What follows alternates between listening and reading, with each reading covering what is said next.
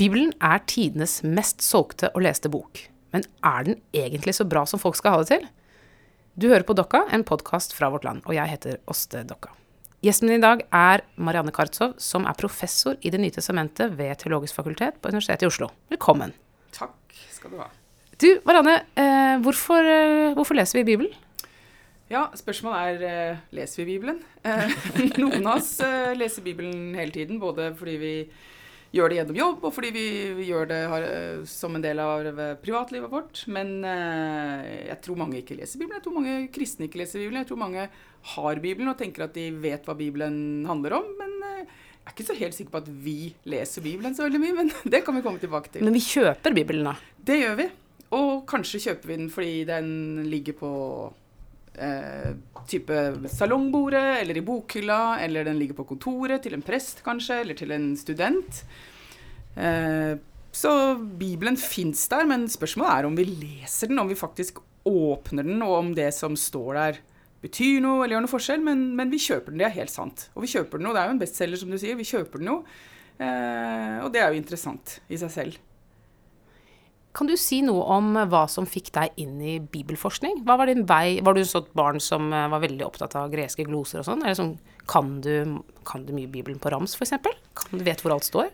Um, etter hvert. Jeg har jo holdt på med det lenge, så jeg kan noe om uh, hvor ting står. Men jeg vil ikke si at det er verken min styrke eller min vei uh, inn i det. Jeg vokste opp uh, egentlig uten Bibelen på nattbordet og Bibelen i bokhylla. Så for meg var hele interessen for Bibelen egentlig en del av et sånt ungdomsopprør. En del av en sånn finne min identitet på, på, tross av, eller i motsetning til det som familien min drev med, og det som andre venner drev med. Det var egentlig et sånt fascinasjonsprosjekt sånn fra jeg var liten, av uh, fortellingene, av eh, karakterene, av Jesus som gikk på vannet, av Jobbs bok. Rett og slett en sånn glede over å lese tekstene, mer enn at det var noe Det var jo virkelig ikke noe gitt i min omgangskrets eller i min bakgrunn at det skulle verken studere teologi eller ende opp med å jobbe med Bibelen. Det var ikke noen vei som var lagt for meg. Og Hvordan var det du kom i kontakt med disse tekstene? Var det på skolen, eller var det liksom i kirka, eller hva? Ja, rett og slett gjennom skoleverket. Vi var ikke i kirken, jeg vokste ikke opp i en kirkefamilie. Så det var uh, gjennom skoleverket, og på den tida så var det mye bibel hvert fall på den skolen jeg gikk på, mye mhm. bibelundervisning. Vi, vi tegna Jesus som gikk på vannet, vi dramatiserte Den barberte samaritan. Det var egentlig en, en sånn ordentlig seriøs omgang med, med Bibelen som fortelling. Eh, og det fascinerte meg, og selvfølgelig også på det rent sånn moralske, etiske plan. Mellommenneskelig, at Jesus var snill mot vennene sine, noe som virkelig fascinerte meg som barn. da. En som ikke gjorde forskjell på folk. Jesus som ble så fremstilt som den som var alles venn. Så det gjorde både, både fortellingene, men også det, det liksom verdimessige gjorde veldig inntrykk på meg som ungdom og som barn. Så det var egentlig, det var, Men det var ikke gitt heller da at jeg skulle ende opp som bibelforsker. Det var det ikke. Men eh, så blei du teolog, og så, og så uh, begynte du på en doktorgrad i Nytestamentet. Og da var du jo kanskje fanga i det? Ja, da var jeg litt ja. fanga. Men jeg, for meg har det alltid vært bibelforskning og prest, da. Det har vært liksom teologien og biovitenskapen hele tiden parallelt. Og Hvordan har det forandra seg, din, din liksom fascinasjon for Bibelen? For hvis, hvis, det på en måte i utgangspunktet var, eh, var fortellingene og, og, og, innholdet, på en måte Eller innholdet, hva skal man si? det du leste ut av, eller ble fortalt at Bibelen handla om, mm. er det fortsatt det du ser etter når du jobber med Bibelen hver dag? Mm. Ja på en måte så er jeg, prøver jeg fremdeles å la meg fascinere og la meg overraske. Jeg prøver å lese, finne nye fortellinger som jeg ikke har sett før, finne detaljer som jeg ikke har sett før. Jeg kan fremdeles bli grepet og fascinert og, og beveget av tekstene. Men jeg tror kanskje både med det kan jo handle ikke bare om forskning, det kan handle litt om alder og modenhet også. At jeg nå vel har et litt mer sånn ja, litt mer eh, rom for at ikke alle tekstene er like fine, rom for at, uh, at ting kan motsi hverandre, rom, åpen for at en del tekster er ganske kjedelige, oppramsende repetisjoner, lovmateriale, ting det er helt umulig å forstå ord jeg ikke skjønner. Ikke jeg, har en mm. mye mer raushet på at det, det, er ikke noe premiss for at jeg skal synes dette er interessant, at jeg skal gripes av det, eller synes det er vakkert eller poetisk hele tida. Det er det ikke lenger. Så sånn sett så har jeg endra meg, blitt litt mer raus i omgangen med Bibelen. Var det en krise å komme dit? Var det sånn gjennombrudd? Et punkt hvor du liksom OK, nå orker jeg ikke å å late som Bibelen er harmonisk og vakker hele veien gjennom? Nei, jeg, Nei. ikke for meg. For jeg har aldri hatt noe behov for at, det skal være, at Bibelen skal være fin og vakker. Bibelen var liksom en del av mitt sånn frigjøringsprosjekt. og da, da, Det var ikke noe sånn at den Jeg har aldri vært noe avhengig av at den bare skulle være fin. Jeg tenker Det har liksom vært, det har kommet med Blitt kjent med bredden, blitt, blitt, både gjennom studiet, men også gjennom kirken og gjennom ting jeg har lest på egen hånd. blitt liksom, ja, men det er, det er mer her. Det er en større bredde. Det er, det er uventede ting å hente. Har aldri vært sånn opptatt av den, har aldri vært noe harmoni. Altså, jeg har vært interessert i tekster, men også, også fortolkning. ikke sant? Jeg, tidlig så skjønte jeg jo det at um, Og det var en del av det jeg var grepet av, at det gikk an å lese tekster på forskjellige måter. Og at vi måtte fortolke, og at læreren kanskje sa ja, det der er ikke helt sikkert, eller vi vet ikke helt, eller eller hvorfor det skjedde. Nei, det vet vi ikke. At det aldri var en sånn dogmatisk bibel jeg ble møtt med. Jeg ble møtt med en sånn, sånn fortelling, noe åpnende, noe engasjerende, noe inviterende. Og det er det jo fremdeles, uansett om tekstene er liksom fine eller ikke fullt så lette å omgås, da.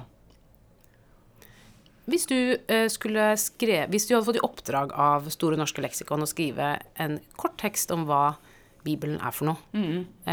hva, hva tror du skulle stått der? Hvor kort skulle den vært, da? Ja, hva er liksom facts? eh, Hva er det vi må vite om hva Bibelen er for noe? Nei, altså mm, Helt enkelt så tenker jeg alltid mm, bakover og fremover, som sånn tid, tid, liksom. Og så tenker jeg her og nå på kryss og tvers. Og jeg ville jo en, eh, Hva Bibelen er, handler om eh, hva Bibelen har vært og kommer til å være. Ikke sant? At den har vært en eh, konstituerende, hellig, kanonisk, autoritativ tekst gjennom historien. Det er, det, det, den, den er den historien. Den er helt avhengig av den historien. Og et eller annet som kommer til å skje i fremtiden. Det er en del av hva Bibelen er. Så det ville jeg skrevet et par setninger om. At det har vært en tekst som har hatt innflytelse i vår del av verden. Kommer fra eh, da, da ble skrevet altså litt sånn facts historisk. Um, og så ville jeg også tenkt prøvd å svare på spørsmålet hva betyr eller er Bibelen i dag. Fremdeles en hellig tekst for trossamfunn. øh, Fremdeles en kanonisk tekst i mange kulturer. Fremdeles en avgjørende tekst, vil noen si, i forhold til politiske diskusjoner, i forhold til kunst og kultur. altså Som har, har, har betydning ganske bredt i forskjellige sammenhenger. Eh, Så jeg ville prøvd å fange det, da, både det historiske og det aktuelle med liksom, samfunn, kultur, politikk. Eh, Og kanskje også ville jeg tenkt at, at å si noe om Bibelens eh, sånn ambivalente rolle. At man både har eh, sett på Bibelen som en tekst som har ført til fremgang og, og endring, og bare for å ta et eksempel som har ført til vært viktig for frigjøringsbevegelser eh, globalt, men at den også har hatt en rolle som å eh, som beholde hierarkier, status quo. At den liksom har vært en tekst som alltid har hatt den dobbeltheten, da. Um, fordi det er et fortolkningspotensial der. Så jeg tenker at noe sånt historisk, noe sånn aktuelt, og også noe litt sånn hva, hva har diskusjonen stått om? Tre, de tre tingene tror jeg, hvis jeg skulle hatt skrevet en kort tekst, Ja. noe sånt ville jeg hatt med da. De tre punktene. Ja. Og det siste du sier der, det handler jo på en måte om hvem Det handler jo om hvem som leser. Altså hvis man tenker på om Bibelen fungerer som en, en patriarkalsk tekst, f.eks., en hierarkisk tekst, en sementerende tekst, eller om det fungerer frigjørende eller åpne på en eller annen måte. Det, det er jo i stor grad knytta til hvilken posisjon det leses fra. Eh, og da lurer jeg på hvem er det som på en måte har Er det noe som har fortolkningsautoriteten? Er det noe som på en måte eier Bibelen mer enn andre? Altså, um I utgangspunktet vil jeg jo si nei. Det, jo som, det, jo, ingen- det går ikke an å svare at liksom de, den eller den personen, instansen, institusjonen eier Bibelen. For, for en, en, en tekst og en betydning av en tekst, det er ikke noe som er stabilt. Det er ikke noe som kan fanges.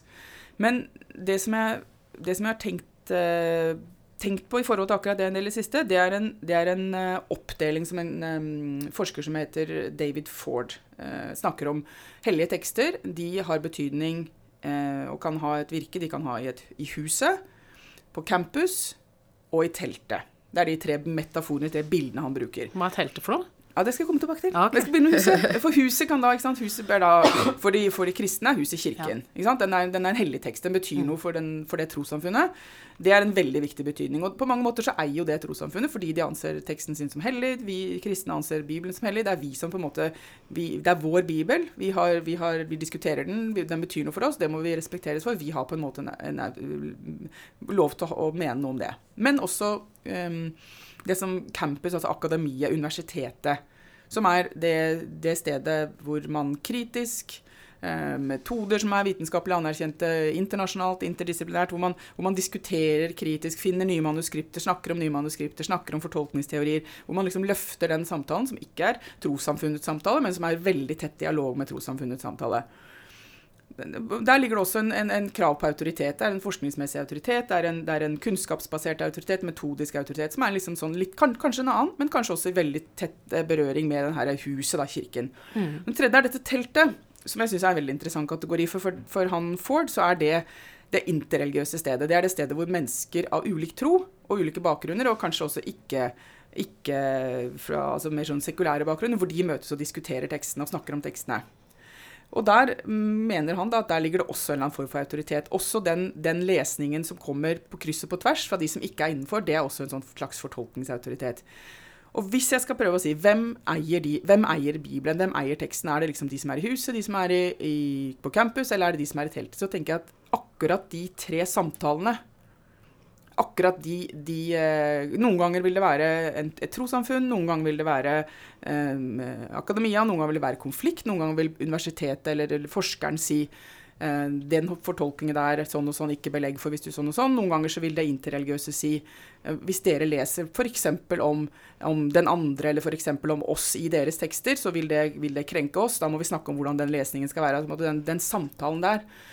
Og så også, siden vi har en eh, siden vi lever i et eh, samfunn hvor Bibelen har hatt og har sterk også politisk og samfunnsmessig betydning, så tenker jeg at den, den kulturelle kanon altså tenk, tenk, på Norge, Bibelen i Norge.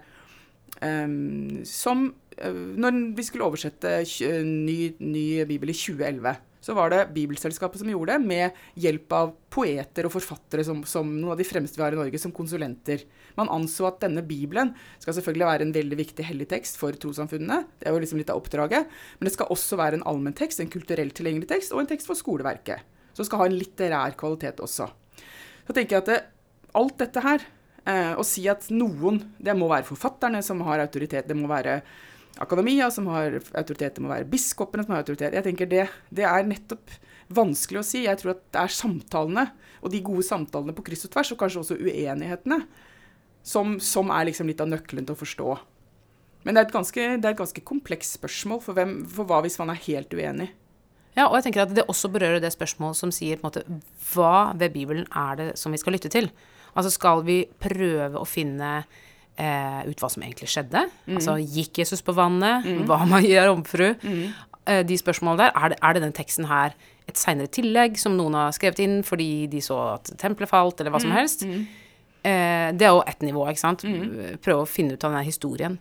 Eller skal vi på en måte bare tenke at det er teksten som er hellig, eh, og ta teksten for pålydende? Prøve å, å snirkle oss gjennom den teksten? Eller skal vi på en måte ha en en lesning som ligger, ligger, tettere på vårt eget liv, som handler om etikken, f.eks. For eksempel. mm. Fordi eh, du nevnte jo i stad dette med er det, er det noen andre trossamfunn som kjenner igjen seg selv i denne teksten? Mm. F.eks. hvordan Nytestamentet skriver om jøder. Mm. Det er jo øh, Vi har jo begge to nylig vært på forelesning med mm. MG Levine, som mm. er en jødisk nytestamentlig forsker, som er jo påpeker alle disse stedene hvor, hvor, du nesten har en sånn innebygd antisemittisme i selve kristendommen, sånn mm. grunnfortellinger. Mm.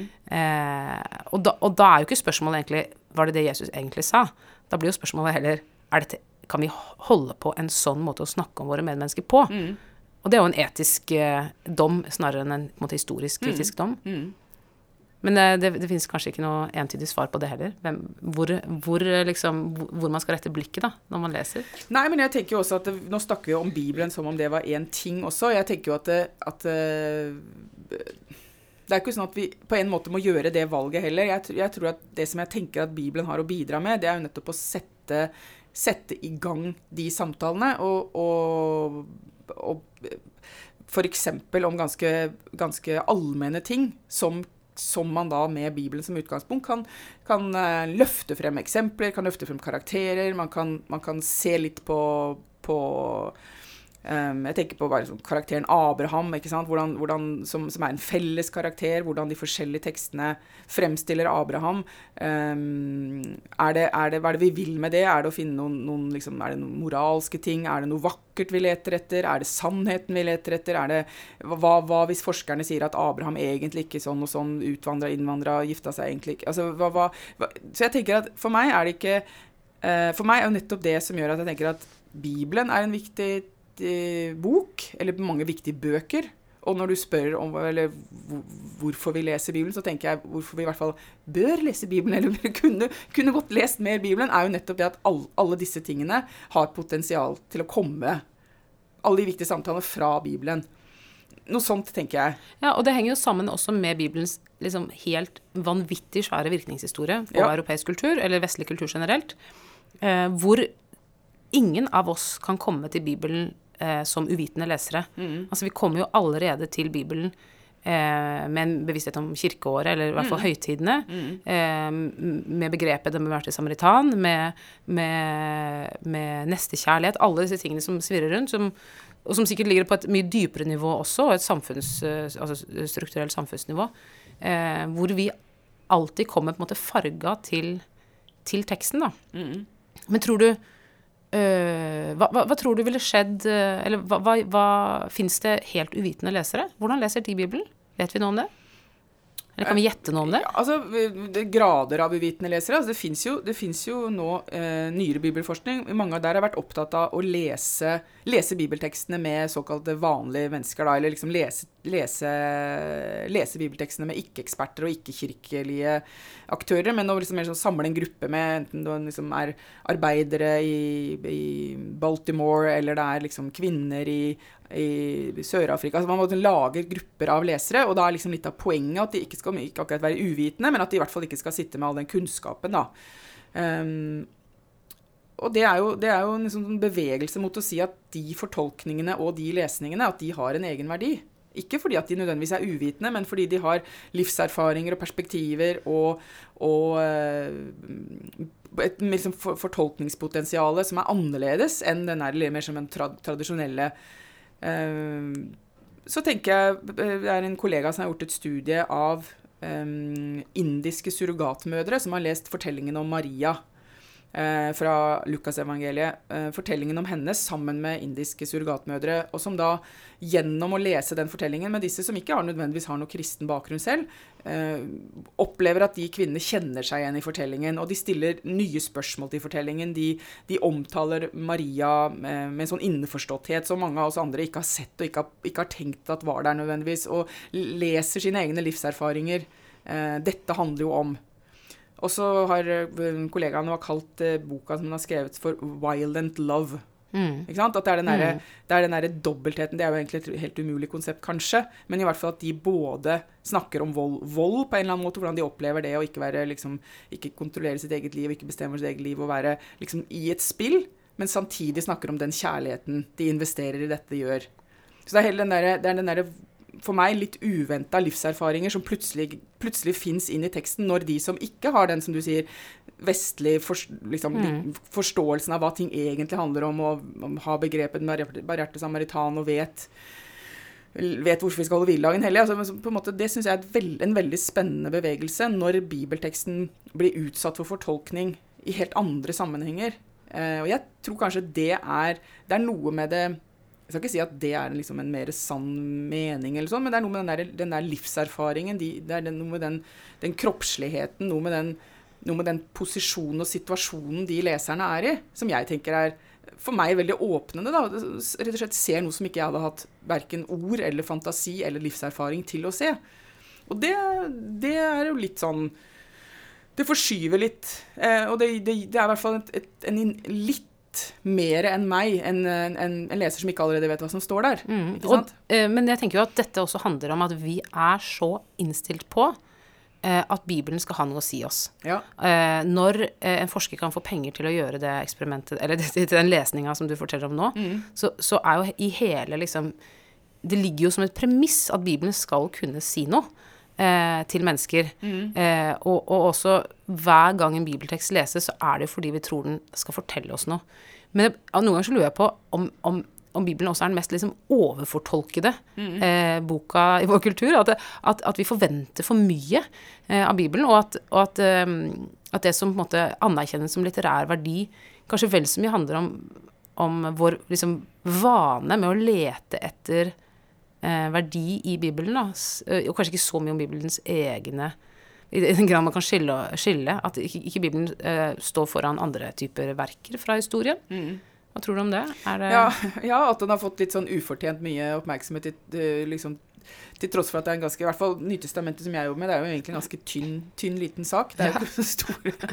og, og, og, noen ganger så tuller vi med studentene liksom sånn at det, ja, det fins egentlig ikke noe verken ord eller en, en liksom komma eller spørsmålstegn som ikke allerede er studert, så du må liksom uansett Uansett hva du er interessert i, så er det noen som allerede har spurt om, spurt om det spørsmålet. Det er nesten sånn, men på en annen side så, så må jeg si det at eh, vi lever også i en verden hvor det ikke nødvendigvis er villighet til å finansiere og sponse sånne prosjekter, og hvor det å lese såpass langsomt som mange av oss som jobber med Bibelen gjør, og det å insistere på at man ikke skal lese i oversettelse, men man skal lese på hebraisk, som GT er skrevet på, og gresk, som NT er skrevet på, og insistere på at det, det, det, har noe for seg å bruke litt tid, det har noe for seg å prøve å se ting i sammenhenger. Det, det, langsomt, det skal gå langsomt. Det er et ideal at det skal gå langsomt. Det er jo egentlig litt sånn motkulturelt.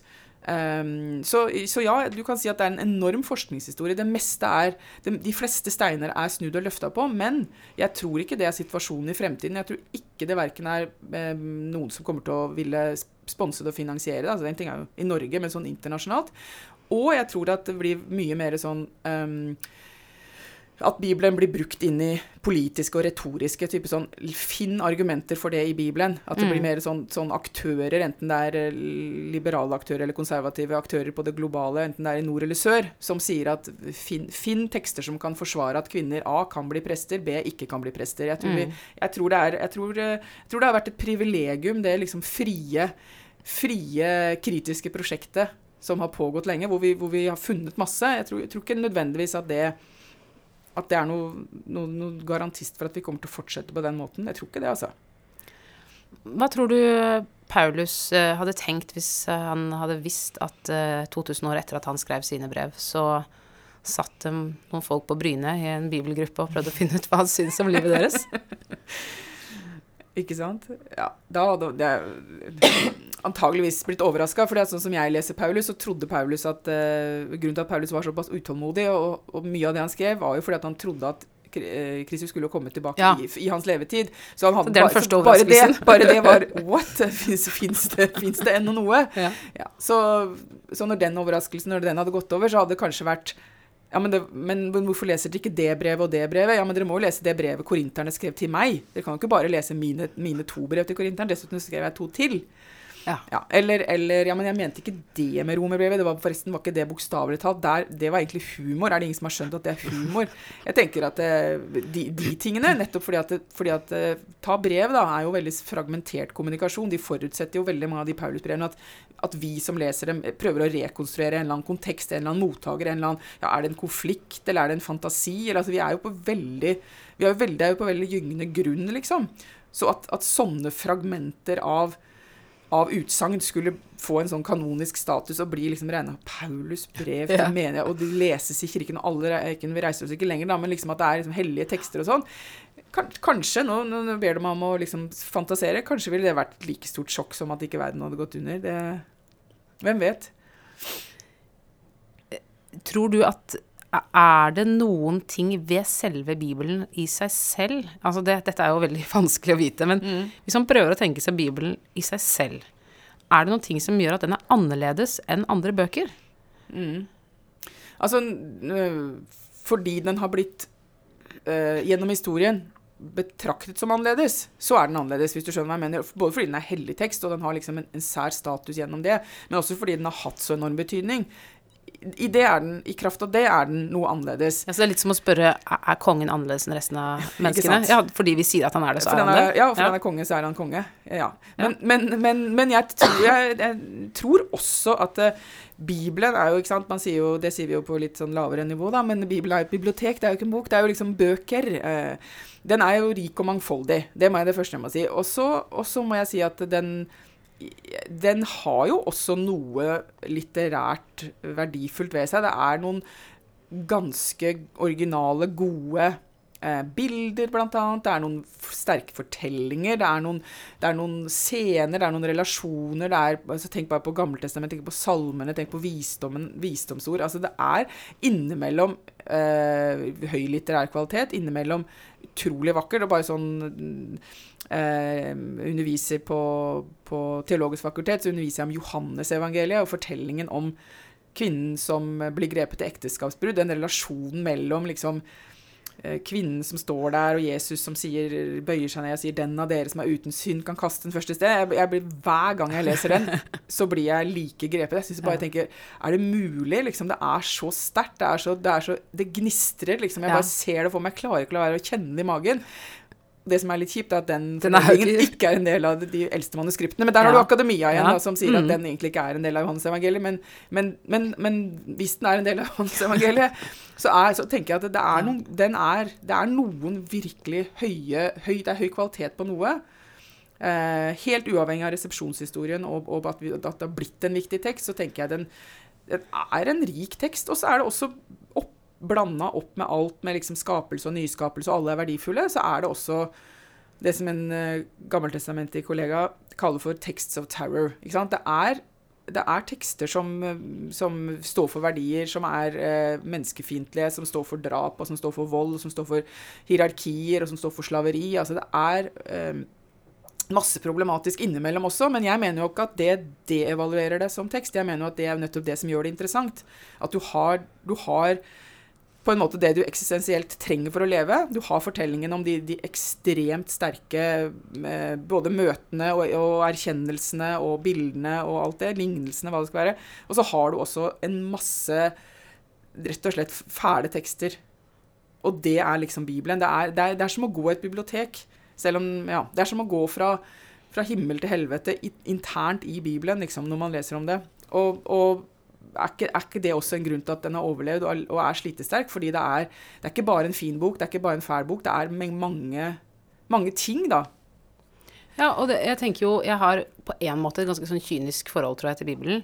Og samtidig så eh, Når jeg en, en gang, sjelden gang skal preke, og ta fram evangelieteksten og virkelig bruker tid på å lese den, så blir jeg nesten alltid forbausa over hva jeg finner. Altså, det er Det er jo alltid noe. Det er alltid et eller annet som er spennende. Og, og gjerne sånn eh, noe som jeg blir opprørt av. Altså noe som jeg ikke har lyst til å si. Eh, at dette er Guds ord til oss i dag. Men, men det setter jo i gang massevis av ting. Eh, så jeg må jo litt sånn halvmotvillig, eller mot min egen Ikke motvillig, det er absolutt villig, men liksom mot min egen sånn hunch, da. Se at her er det virkelig helt fantastiske ting. Og også liksom i Lukasevangeliet med eh, kvinnen som, som kommer på Når Jesus er på besøk hos Simon, eh, og kvinnen som kommer inn der. Hvis man liksom leser den teksten nøye, det er, Det er heftige greier. det er så mye greier. Så mye Ja. kropp og hår og føtter og armer og Ja. ja. Så det er, det er jo dypt fascinerende. Men eh, eh, har du liksom Hvordan leser du Bibelen når du Altså, du leser jo åpenbart på jobb, Ja. Mm. så leser du Bibelen. Men har du andre praksiser hvor du også leser Bibelen? Mm. Som ikke er akademisk studium? Altså, jeg er, jo, jeg er jo da også prest, så jeg leser jo Bibelen når jeg skal forkynne eller holde prekener eller bryllup eller begravelser. Altså, jeg, jeg har jo både som da akademiker, men også som, som religionsutøver og, og liksom leder i kirken, så leser jeg også Bibelen. Og det er på en måte en litt annen lesning, eh, men, men den har mye med hverandre å gjøre. Og så jeg, har jeg eh, Helt fra jeg var liten, så har jeg hatt sånn at jeg har lest liksom, Fra jeg var liksom snakket, knapt kunne lese på egen hånd på rommet under dyna, så leste jeg liksom Bibelen fra første Mosebok. Jeg har faktisk gjort det. Har du det? Jeg har lest hele Wow. Bibelen, ja, jeg har det. Men, men det vil jeg ikke si at det gjorde så sterkt inntrykk, for jeg var litt utålmodig leser og litt langsom leser. Men, men jeg har ikke Jeg skal ikke si at jeg har funnet liksom en form på mitt, mitt eh, personlige andagsliv, nettopp fordi at den bibelteksten er så forbundet med, med mitt profesjonelle virke, med jobben min. Men så er det at som forsker så jobber man jo egentlig hele, hele døgnet. Plutselig så kan jeg sitte ved middagsbordet eller se på eh, liksom en eller annen eh, dårlig film med familien, og så kan jeg bare komme på Oi, hva er det Og nå, nå skjønner jeg det, det verset der, og så begynner jeg å slå opp i Bibelen. Eh, og, så, og så tenker jeg Oi, det er det, hva er det egentlig det på gresk? Nei, nå må jeg finne ikke sant? Så, så det er en litt sånn har, ikke, jeg har ikke helt klart å liksom skille sånn at jeg Det er jo liksom Bibelen er prim, primært i, mitt, uh, i min hverdag en, en liksom faglig tekst. Men det som jo skjer når jeg sitter og jobber faglig, det er at jeg kan jo bli veldig personlig grepet. Ja. Jeg kan, jeg kan, um, vi har et kapell på Teologisk fakultet. Jeg kan, jeg kan gå ned i kapellet og måtte bare tenne et lys og sitte der etter å ha egentlig skrevet en artikkel til et tidsskrift, liksom. Så det så går litt over i hverandre. Og så er jo og veldig opptatt av eh, altså, bibelfortellingene. Og snakker mye om det med, med, både venner og familie og barna mine. og liksom at eh, Ja, den fortellingen der, og da har jeg egentlig aldri tenkt på at det var sånn. Og vet du hva, den barmhjertige samaritan Nei, er det sant? Og jeg har liksom så, så jeg, men, men, eh, men det, er, det, er, litt sånn må, Med akkurat det så må jeg bare fortelle. Vi har, vi har hatt muntlig eksamen på Det teologiske fakultet. Jeg og en kollega har hørt på tolv prekener på to dager. Um, altså på de, eh, elev, de studentene, som, som, skal bli, preken, som, skal bli, prester, prester om noen mm. år. Ja, fantastiske, flinke studenter. Da har vi hørt på tolv prekener over samme tekst. Den teksten om altså Peter um, fornekter Jesus før han ga det tre ganger fra ja, Lukas 22. Fantastisk tekst, da. Fantastisk tekst. Og det må jeg, apropos det du sier med at du blir, blir overraska. Jeg trodde jo også at så, så, Dette har jeg jobba med i mange år og undervist om og skrevet om og sånn. Men, men, altså, den teksten der, den hadde tolv nye Den traff meg på tolv forskjellige måter. Fascinerende forskjellige måter, altså. Gjennom de tolv studentene som da, sånn som deg, hadde blitt grepet av et eller annet gjennom å jobbe eksegetisk, jobbe med teksten, jobbe med det greske, jobbe med synoptisk sammenstilling, alt det. Og så skal de forkynne om det. Og hvordan de tingene der altså Det er ikke så lett å si hvor, hvor uh, det akademiske begynner og det uh, oppbyggelige slutter, altså. Det, og det var, var virkelig så sterkt. Og det er en trolig, sterk tekst med det der blikket til Jesus som når, når Peter liksom for tredje gang sier 'Nei, jeg kjenner han ikke'. Bare snur Jesus og ser på han, det er jo helt forferdelig. Men hvordan alle liksom klarte å få meg til å kjenne det ordentlig i magen. Altså, og så mm. gråter han. ikke sant? Han lo, han gråter. Dette er, og dette er jo en fortelling om disse to menneskene, nemlig Peter og Jesus, men det er jo også en fortelling om oss. Ja. Det, er det, det, er jo det, det faktisk er. Selv om ingen sier det, så er det jo det. For jeg kjenner jo jeg kjenner jo at det er jo meg. så Jeg er både Jesus og jeg er Peter og jeg er hvem som helst. Altså jeg, er, jeg har alle de følelsene i meg. Den teksten fremkaller sviket, motet, relasjonen, kjærligheten, vennskapet. Alle de følelsene. Så jeg kan også bli liksom inderlig og beveget i mitt, eh, i mitt akademiske arbeid, liksom som sensor på Teologisk fakultet. Høres ut som en gøyal jobb. Da. Ja, det er en veldig gøyal jobb. veldig fine studenter, da. Men det er jo um, i, i, i, vår tradisjon i Norge, eller luthersk kristendom, så er det jo det med personlig bibellesing, så er det liksom en sånn fromhetspraksis. Mm -hmm. Og ganske mange tror jeg enten leser sånn bibelleseplaner, eller leser seg gjennom den ene boka i Bibelen etter den andre, liksom litt hver dag, og ber en bønn, liksom. Mm -hmm. Og jeg, har, jeg er ikke så veldig flink til sånne ting, men, og nettopp derfor så tenkte jeg for en stund siden at jeg skulle få litt mer bibelkunnskap. Jeg skulle liksom ønske at jeg kunne mer, visste hvor ting sto, kunne bare trekke opp den ene fortellinga etter den andre og, og, bruke det. For jeg ser de som kan det, det er en sånn rikdom. Mm. Så jeg bestemte meg for å lese mer i Bibelen, og måten jeg tenkte jeg skulle gjøre det på, var å lese et kapittel hver dag. Mm -hmm. Og begynte med Sandnes bok, og ble ferdig med den. Eh, og det var jo Først og fremst vil jeg si at det var litt kjedelig. Ja. Det var, ja, først og fremst det.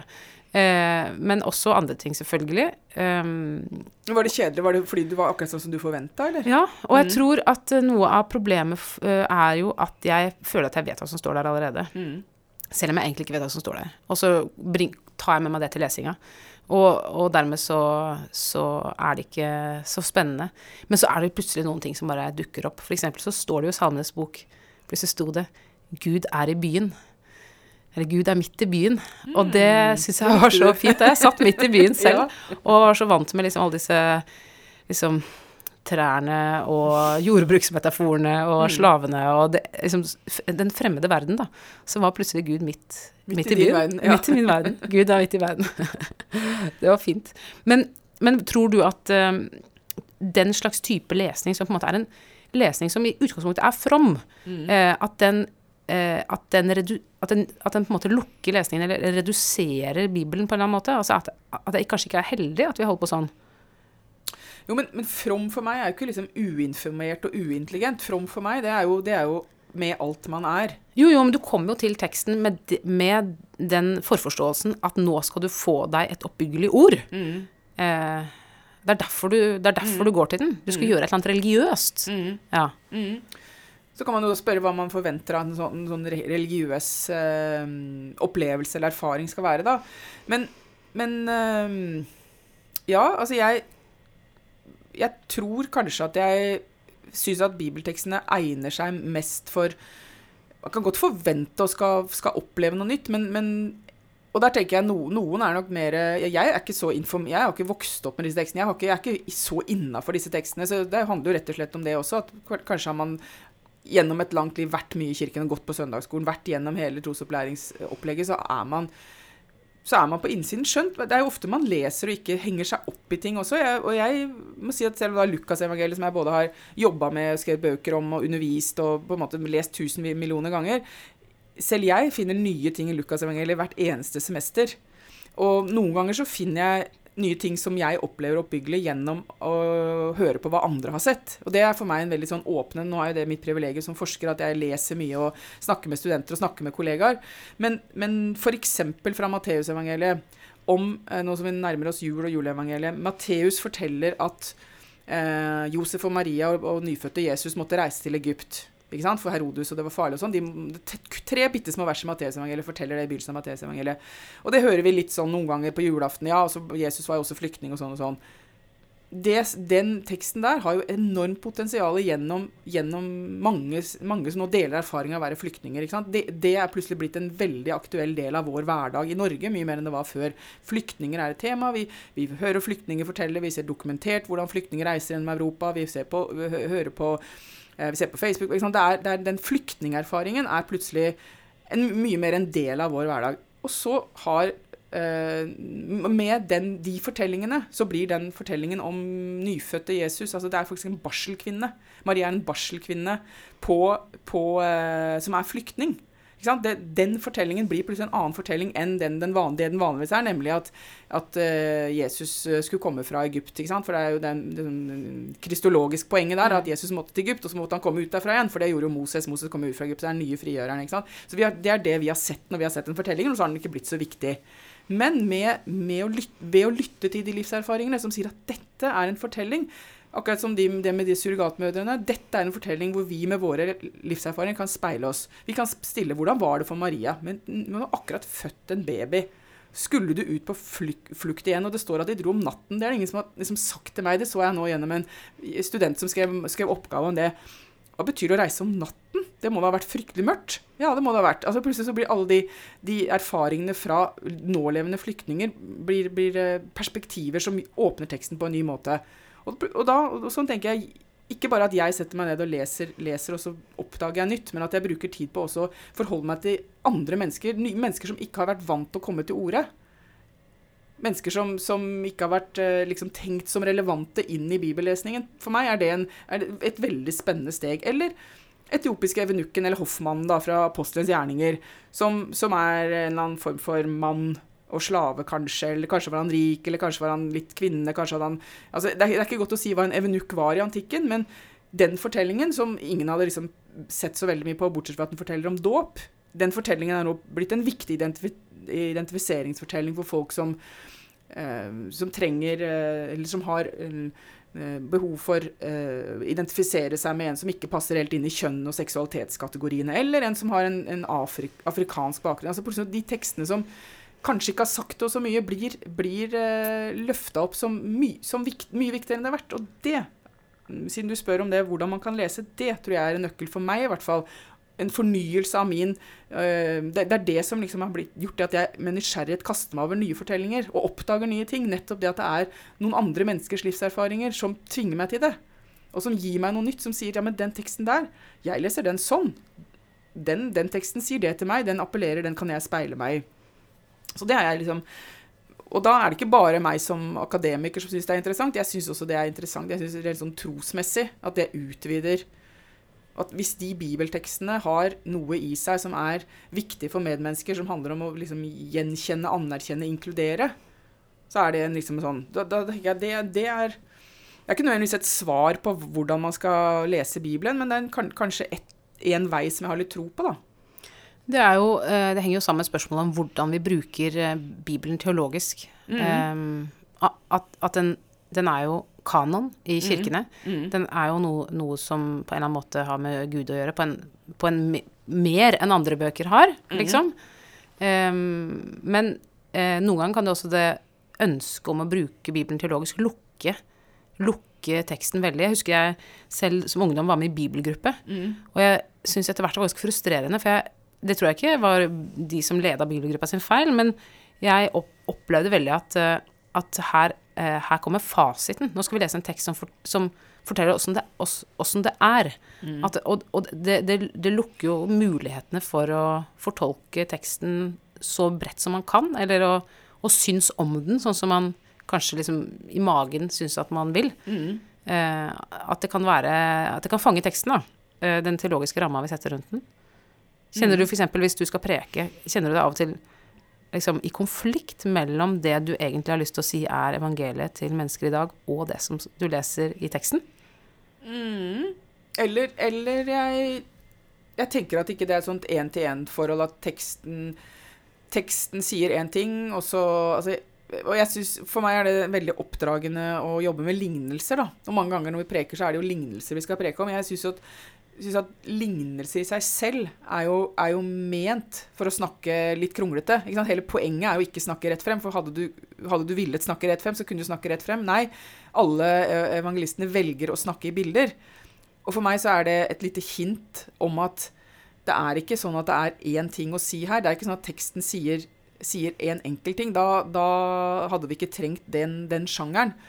Og når jeg, når jeg, skal jobbe med liksom å fortelle eller liksom eksigere eller gå inn i en lignelse, så blir jeg nettopp møtt med alternativer. Her, her, noe sånt kan det ha betydd, eller noe sånt kan det ha betydd, eller kanskje betyr det noe sånt. Og jeg tenker at den, den um, ideen om at, liksom en, en teologi, at det er én teologi, at det liksom er ett budskap, at teksten vil én ting. Jeg tenker at lignelsen er veldig gode eksempler på litt mer åpenhet og litt mer eh, muligheter og litt mer kreativitet. For det er også en ting som jeg er veldig opptatt av i forhold til at uh, sånne uh, i, sånn, her, Nå har vi lest en bibeltekst. Den betyr. Jeg tenker mennesket er mye mer kreativt enn det. Betyr for hvem, for hva, for hvordan? Uh, er vi sikre på at, eh, at, at det er, er, det, er, det, en gitt betydning som, som, vårt mål er å finne? Skal vi abstrahere? Nei, vi skal ikke det. Det er en, det er en, en fortelling, det er noen mennesker her. Det er, noen, det er noen ting vi kan lure på og undre oss over her. Som jeg tenker at den, den kreativiteten og den lekingen som jeg også gått i bibelgruppe, hvor jeg har hvor jeg nettopp har følt at oi, hva, hva, fikk vi ut av dette her? Var, vi, vi, endte, vi, endte liksom, vi konkluderte veldig uten at ja. vi liksom lek, lekte oss og Kanskje vi gjorde litt pantomime, da. Det var liksom nærmest vi kom. Men, men, men For jeg var mye mer sånn tensing og kreativt bibelarbeid. Og det, og det er også det var, Apropos, det er også en veldig viktig bakgrunn for meg. Den her liksom, at Bibelen alltid har vært noe, forbundet med noe kreativt for meg. Ikke lukkende, men nett, nettopp sånn øh, Kanskje er det. At alle, alle, setninger begynte med 'kanskje'. Eller 'hva hvis'. Eller liksom at, at, det, var, at det var mer sånn utforskende og, og, og spørrende. Og det fungerte veldig bra for meg når jeg var ung. Hvor mye, mye var veldig klart og gitt og firkanta. Så var det liksom det å Oi, kanskje liksom Oi, kan det, kan det være sånn, da?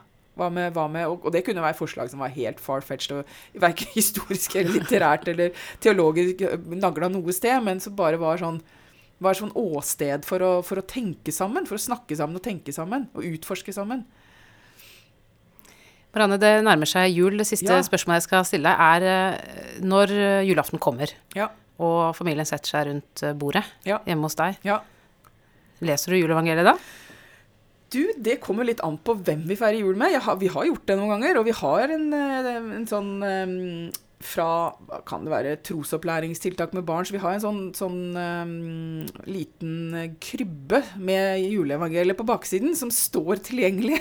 så hvis vi er hos oss sjøl, og hvis vi, vi uh, har gjester hvor det passer seg, så gjør vi det. Og vi er jo alltid i kirken, og der leser, leser jo alltid juleevangeliet. Men eh, det blir jo ikke ja, Jeg vet ikke, jeg. Det kan si at det ikke blir jul uten juleevangeliet. Men, men, men, selv om ikke jeg har vokst opp med det som noe tradisjon, aldri, aldri i min liksom, familie som jeg kommer fra, har gjort det, så er det en tradisjon jeg syns veldig fin. Og, og, og, skjer det da, i den situasjonen, kan du da se nye ting i, uh, i teksten? Eller er det, en, er det, på en måte en slags rite mer enn det er en tekstlesing? Det kan, kan, kan godt hende at det, det er uh, vakkert, bare. Det kan godt hende at det bare er uh, Nei, vet du hva eh, julaften er såpass metta følelsesmessig øyeblikk at da, da kanskje legger liksom den historisk-kritiske eksigeten eh, seg til side. Eller da er det liksom litt fri. Og da, er man bare, da kan man bare hvile i alle de ordene. Um, ja, det, det, tror jeg kanskje. ja, men det er god. Jeg skal kjenne litt på det på julaften, om, det er noe, om jeg opplever noe nytt. Om jeg må løpe bort og slå opp og se hva det er på gresk. Håper du leser det på gresk. Marianne, ja, tusen takk for at du ville komme hit i podkasten. Du har hørt på en episode av podkasten Dokka fra vårt land. Jeg heter eh, Åste Dokka, og produsent i dag har vært Dane Vonono. Og vet du hva? Du kan abonnere på Vårt Land digitalt for bare 10 kroner for 100 dager. Det kan du lese mer om, de vilkårene som knytter seg til det, på vl.no tilbud, og den lenka ligger også i beskrivelsen av denne podkastepisoden på spilleren din. Ha en fin dag.